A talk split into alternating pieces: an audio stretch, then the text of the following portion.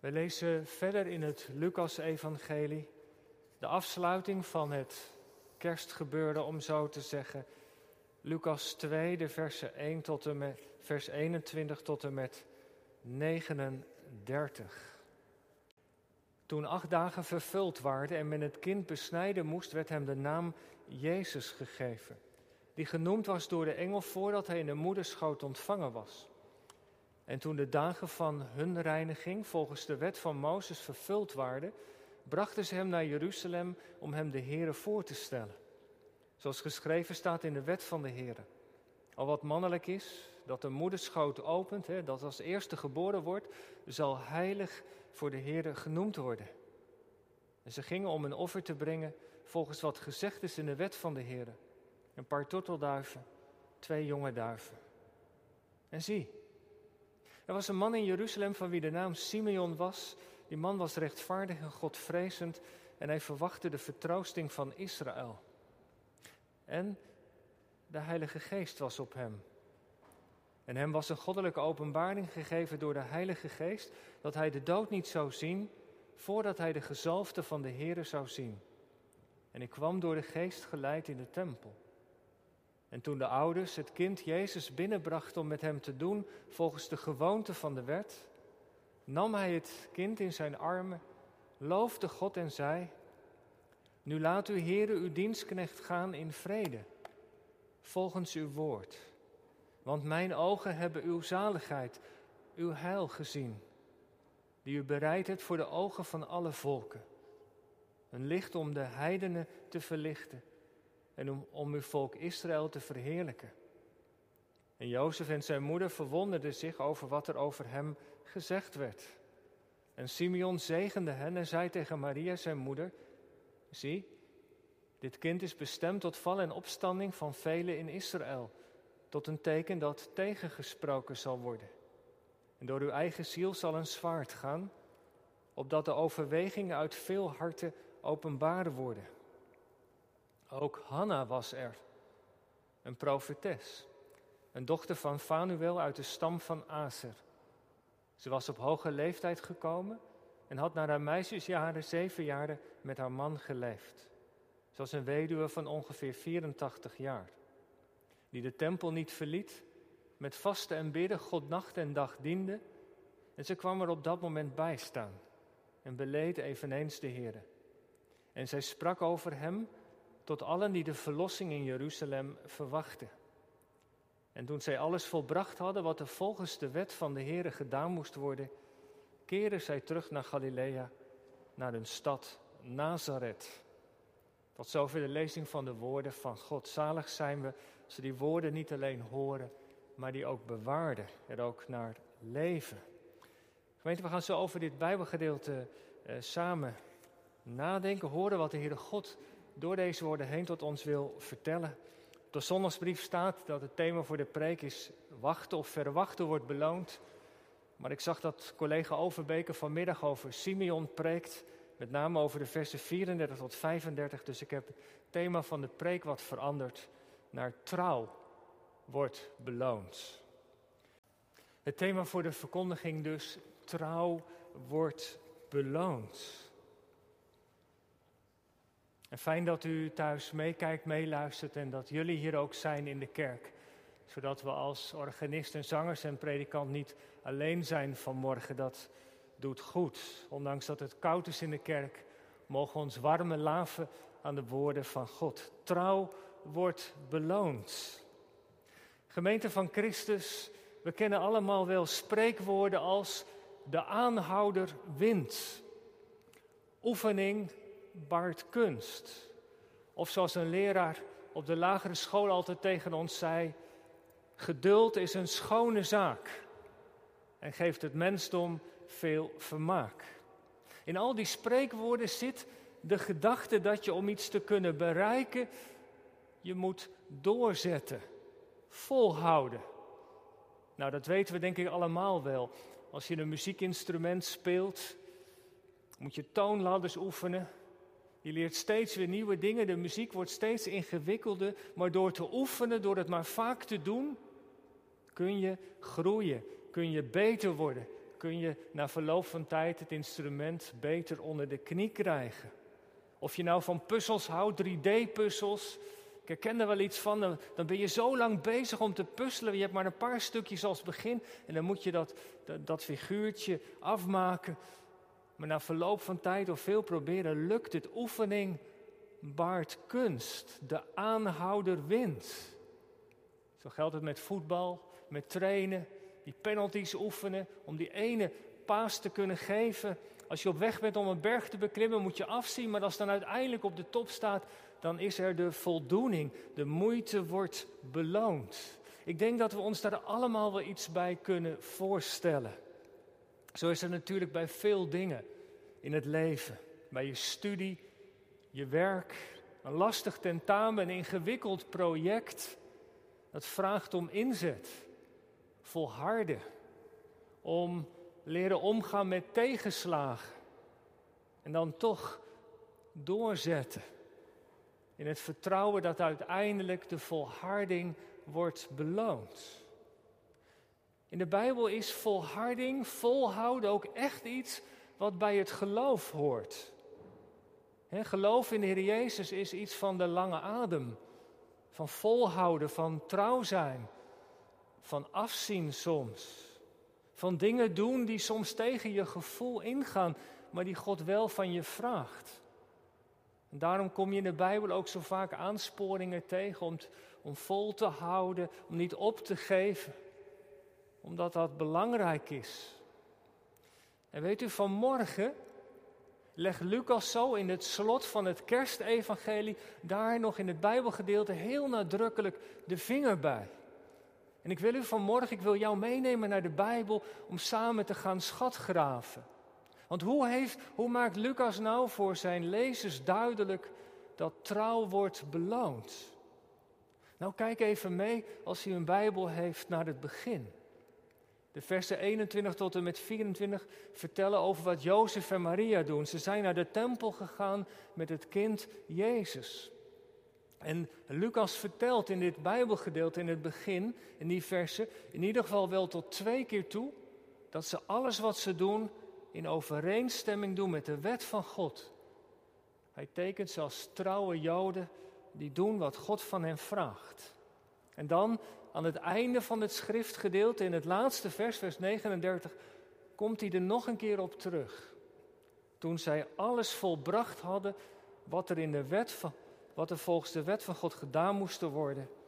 Als dat gebeurd is, keren zij terug naar Galilea, naar de stad Nazareth. Lucas laat dus zien aan het begin en aan het einde een soort inclusie dat Jozef en Maria trouw zijn aan de wetten van de Heere God. En dat is best bijzonder, want het is een moeilijke tijd. De dagen van de vrede koning Herodes. De soldaten marcheerden door de stad. Dat waren zeker geen lievertjes. Het volk was niet vrij. Maar hier is een jonge echtpaar, heeft een baby gekregen. En ze volgen de voorschriften die God aan het volk had gegeven. En als ze dat doen, dan zien we dat de trouw wordt beloond. Want als ze dan naar de tempel gaan, dan gebeurt er iets bijzonders. Ineens zijn daar Simeon en Hanna. En zij ontvangen woorden van God via Simeon en Hanna, vooral via Simeon. En ze worden zelfs door Simeon gezegend. En daarmee laat Lucas door de compositie ook van, van dit Bijbelgedeelte iets heel duidelijks zien. Hij schrijft zijn evangelie voor Theophilus, een belangstellende voor het, voor het geloof, iemand die belangstelling had. En ook voor al die lezers maakt hij zo duidelijk, kijk, dat is belangrijk. Trouw wordt beloond.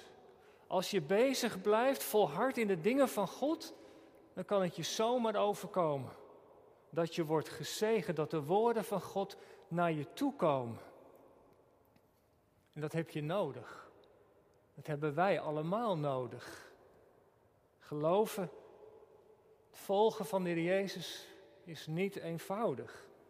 En extra moeilijk nog in deze coronatijd met zoveel beperkingen, worden we zo makkelijk ook nog op onszelf teruggeworpen. Maar de aanhouder wint, zegt Lucas. Blijf volharden. want God ziet naar je om. En wat ik zo mooi vind, is dat het niet alleen geldt voor Jozef en Maria, maar dat geldt ook voor Simeon en Hanna. Ze hebben daar in Jeruzalem al die jaren volgehouden. Ze zijn oud, maar niet koud. Ze hebben het met de belofte van God gewaagd. En ook zij worden niet beschaamd, want ze staan oog in oog met de beloofde redder. Ook voor hun geldt dat de trouw wordt beloond. Ik wil met u en jou vanmorgen wat meer inzoomen op dit Bijbelgedeelte. Ik zei al, we gaan schatgraven in het woord. Drie punten. Wat doen Jozef en Maria precies daar in de tempel? Wat zegt Simeon tegen ze en hoe komt hij daarbij? En wat wil God ons door het voorbeeld van Hanna eigenlijk wel niet vertellen? Jozef en Maria, ze zijn daar in de tempel. Je ziet ze gaan met het kind in hun armen. Als trouwe Joden vertelt Lucas, vers 21, dat zij allereerst hun kind hebben laten besnijden. dat gebeurde bij elke Joodse zoon op de achtste dag. Ook bij Jezus is dat gebeurd. Het zijn van die kleine details waar je overheen kunt zien, maar, maar wat daar gebeurt in de tempel, ja, dat gebeurt ook met elk Joods kind. Jezus is helemaal aan zijn volk gelijk geworden. Hij had het natuurlijk niet nodig om besneden te worden, om bij het volk van God en bij God van het volk te horen, maar hij ondergaat het wel. Een onderdeel van zijn reddingsplan. En dan wordt hij door zijn ouders meegenomen naar de tempel om hem, zo lezen we in vers 22, aan de Here voor te stellen. Het is een bijzonder moment. Want in het Oude Testament moest elke oudste zoon, de eerstgeborene, gewijd worden aan de dienst van God. Als je meerdere kinderen had en de oudste was een zoon, dan was de zoon bestemd voor de dienst in de tempel, de priesterdienst. En later is dat door de stam Levi overgenomen en die hebben plaatsvervangend voor de oudste eh, zonen de dienst aan de tempel vervuld. En de families hoefden alleen maar dan een geldbedrag te betalen, een offer te brengen om als het ware hun oudste zoon los te kopen, vrij te kopen van die plicht. En Jezus wordt als eerstgeborene en oudste zoon gewijd aan God. Bijzonder moment als ze daar staan met dankbaarheid en als ze hun kind als het ware teruggeven aan de Heere God. Hij zal God als priester gaan dienen. Niet in de tempel, maar door zijn leven te geven als offer ter verzoening. Hij wordt besneden, toegewijd aan de Heere God en dan als derde wordt daar het offer gebracht. Twee duiven is het offer voor arme mensen. En in vers 22 is even belangrijk. Er staat niet zoals in de herziene statenvertaling in de dagen van haar reiniging. Dat zou dan alleen Maria gelden. Maar in het Griek staat in de dagen van hun reiniging. Maria en Jezus. Van beide. En die periode van reiniging die duurde 40 dagen.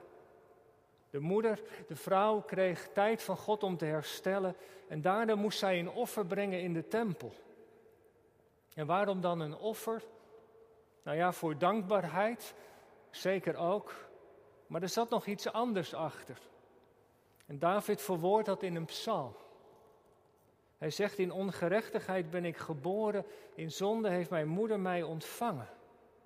Op een of andere manier, door de geboorte, hè, door, door, door, door het krijgen van kinderen heen, wordt ook iets van, van onze menselijke natuur aan het volgende geslacht overgegeven. We zeggen wel eens, kinderen zijn een koekje van, van eigen deeg. Maar in zekere zin is dat natuurlijk ook zo. Het goede moeten kinderen leren. De, slecht, de slechte dingen, die krijgen ze als het ware van ons als ouders mee. En daarom was er daar ook in het begin een offer. Die zonde die op een of andere manier als ouder doorgeeft aan de kinderen om God daar vergeving voor te vragen. Dat was volgens de wet. Daarmee sloot je die periode van reiniging af. Dat is eigenlijk wel een heel indrukwekkend gebeuren daar in de tempel. Er zit dus een diep besef in dat je als ouder je kind laat delen, ook in je eigen zondige natuur. Dat kun je natuurlijk niet aan die baby zien, ook niet aan het kind.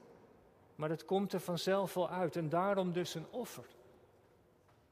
Jezus had dit offer niet nodig, maar het werd wel gebracht. En zo zie je op al die punten, maakt Lucas duidelijk dat zijn ouders gehoorzaam zijn aan de wet en precies doen wat die wet had voorgeschreven. En Jezus daarin gelijk aan elke Israëliet, gelijk aan onze mensen. En als ze daar dan zo mee bezig zijn, Lucas beschrijft dat, als ze dan zeg maar iets van die trouw laten zien aan de Heer, dan gebeurt het. De gewone gang wordt onderbroken. God laat het oog op ze vallen en die stuurt Simeon en Hanna naar Jozef en Maria toe. Om hen te bemoedigen. Dat in de eerste plaats. En ik vind dat zo mooi. Het is alsof Lucas tegen Theophilus en tegen ons als lezers zegt: Kijk, dat kan je dus overkomen. In de gewone gang naar de kerk als dat kan. Als je leest in de Bijbel. Als je bezig bent op de kring. Als je gewoon aan het zingen bent op de fiets misschien. Dat er iets is, een lied, een woord, een tekst. De kaart die door de bus komt, die bij je binnenkomt. Die je raakt. En wat had je dat net nodig? Een woord van God. En Lucas zegt: het enige wat we daarvoor hoeven te doen, is vol, volhouden, volharden in de dagelijkse dingen, in de dagelijkse omgang met God. Want er komt een moment dat God tot je spreekt, dat hij je bemoedigt. Hij zegent de trouw en de gehoorzaamheid. Is dat makkelijk? Nee. Volhouden, volharden is niet eenvoudig. Als je alleen bent, extra moeilijk. En dan hoop ik dat er mensen om je heen zijn die naar je omzien en die je daarbij helpen. Maar het loont de moeite. De aanhouder wint. Jozef en Maria in die gewone gang krijgen de bemoediging. Kom bij mijn volgende punt, dan is daar Simeon. De bemoediging komt naar ze toe via Simeon en Hanna. Is het eigenlijk niet bijzonder? Daar is het kind Jezus, Jozef en Maria zijn ouders en dan zijn de volgende generaties senioren Simeon en Hanna. Drie generaties bij elkaar en ze worden allemaal met elkaar verbonden. God vlecht die generaties in heen. En allemaal worden ze gezegend. Je ziet het voor je. Vermoedelijk een oude man, Simeon. Hij, hij, hij neemt het kind uit de handen van Jozef of van Maria. Hij draagt het. Nou ja, wie draagt eigenlijk wie? En hij spreekt, mijn ogen hebben uw zaligheid gezien. Ineens heeft hij een diep inzicht. Dit kind is niet zomaar een kind, het is de beloofde redder. En Simeon is als het ware een van de laatste vertegenwoordigers van het oude verbond. En hij heeft het nieuwe verbond in zijn handen. Hij die gekomen is om Israël te verlossen van al hun ongerechtigheden. Het kind is het zichtbare bewijs dat God trouw is. En hij neemt het in zijn handen en hij zingt zijn lied. Een bijzondere woorden. Nu heb ik het gezien, zegt hij. De redder die mij verlost uit de banden die mij knelden. Nu kan ik heen gaan. Het lijkt een soort zwanenzang. Hij is aan het einde van zijn leven gekomen, lijkt Nu kan ik het loslaten. De belofte is vervuld. Ik heb het heil gezien. En je ziet het voor je. Hij houdt het kind vast om het nooit meer los te laten. Ik laat hem nooit meer los. Want hij laat mij niet meer los. En dat is voor hem genoeg. Zijn diepste levenswens wordt daarmee vervuld. Gemeente, ik dacht, nee, ik dacht, ik hoop dat het voor ons toch ook niet anders is dan dat onze diepste wens is om de Heer Jezus te kennen. Want door Hem te kennen krijgt ons leven een vast fundament. Weet u nog die oude woorden, wat is mijn enige troost? Dat ik het eigendom ben van mijn getrouwe heiland, die zijn leven voor mij gaf. In Jezus strekt God zich naar ons uit om ons te omarmen. Dat is kerst. God heeft zijn zoon uit zijn eigen armen gehaald en naar deze wereld gestuurd. Want omarmen kun je er maar één. Hij heeft hem naar de wereld gestuurd, hij is mens geworden om ons te kunnen omarmen. Kerst, het feest van Gods omarming. En ik mag u en jou vanmorgen daartoe aansporen om je door deze God ook te laten omarmen. Dan kun je heen gaan in vrede.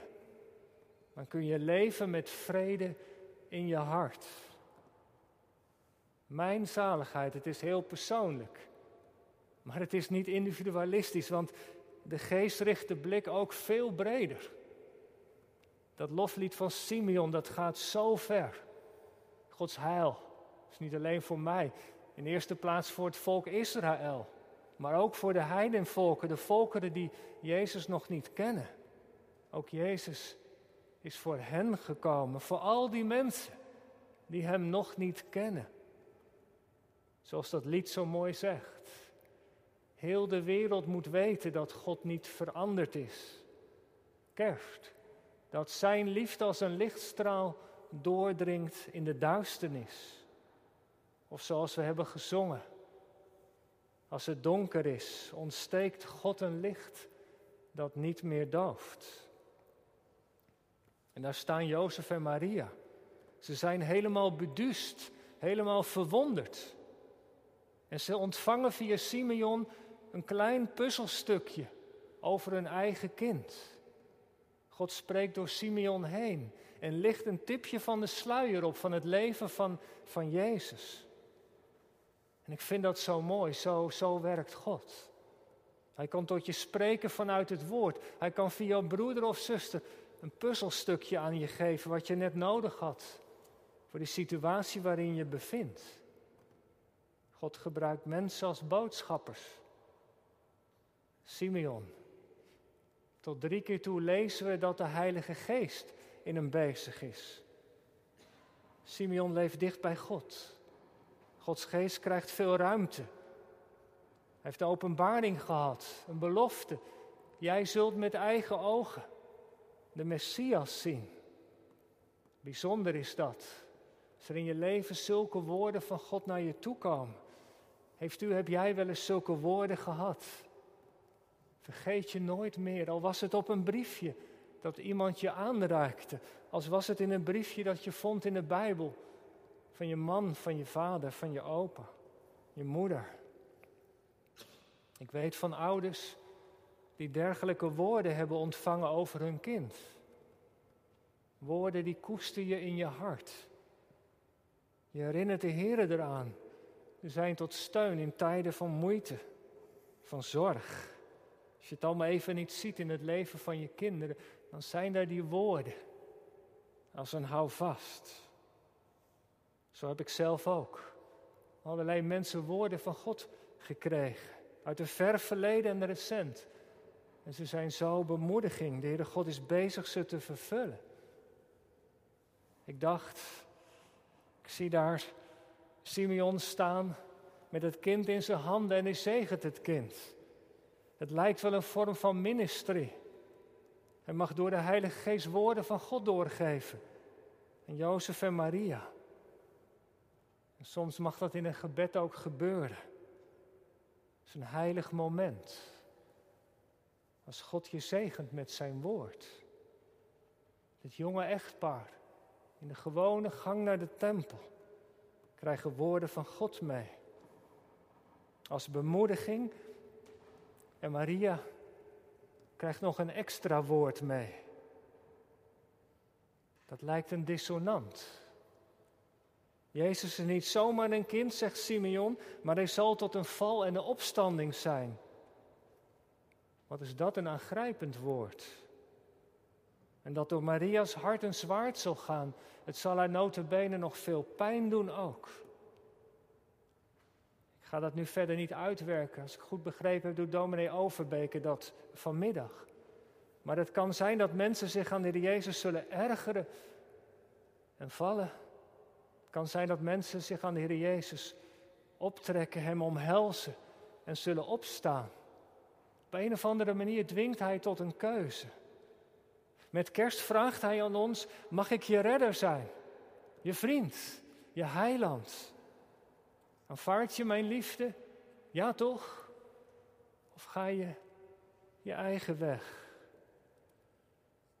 In Jezus geloven en volgen is het beste wat je kunt doen. Nee, het is geen gemakkelijke weg. Het is een weg het vallen en opstaan. Maar wel een weg waarin je door Hem wordt vastgehouden.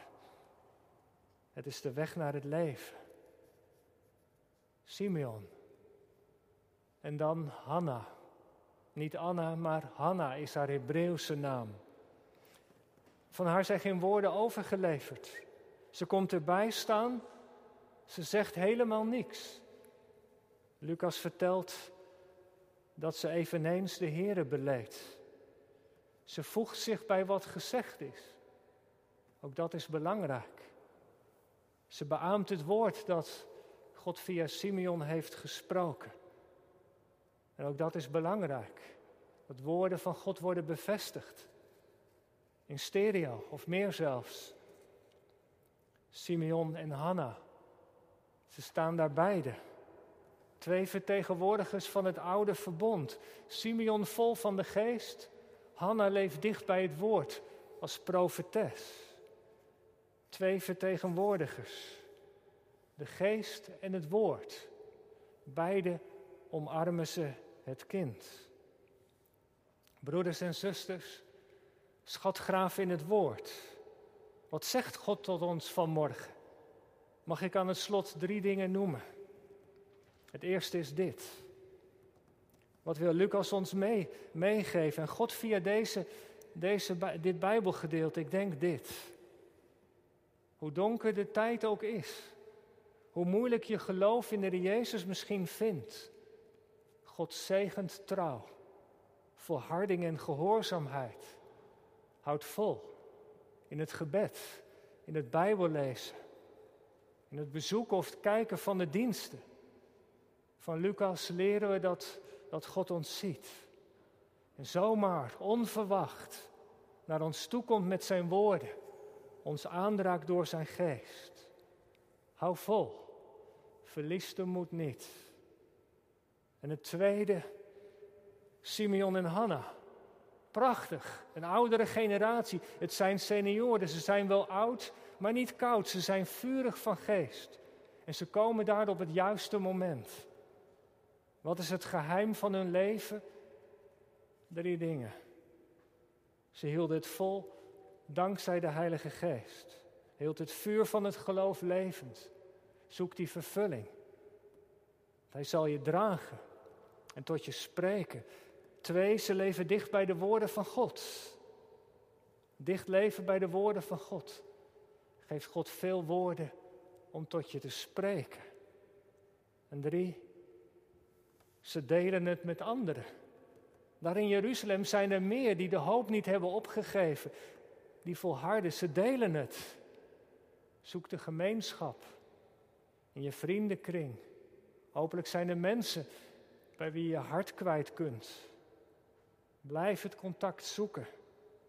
Deel maar wat er is aan vreugde en verdriet, je verlangen en je afzien.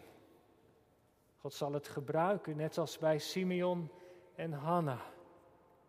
En als derde nog even de woorden van Simeon. Zijn voluit verkondiging. Jezus is de heiland van de wereld onze redder. Hij is gekomen niet om ons te laten struikelen, maar ons te laten opstaan, ons te laten leven. In een nieuw leven. De weg van de kribbe gaat naar het kruis, daar doet hij verzoening. En zo opent hij de weg tot de Vader. Kerst is het feest van Gods omarming. Laat je door Hem omarmen. Ook vandaag weer, voor het eerst of opnieuw. Wees trouw in de dingen van Gods koninkrijk, dan zal het heil je niet ontgaan. Beloofd is beloofd. Amen.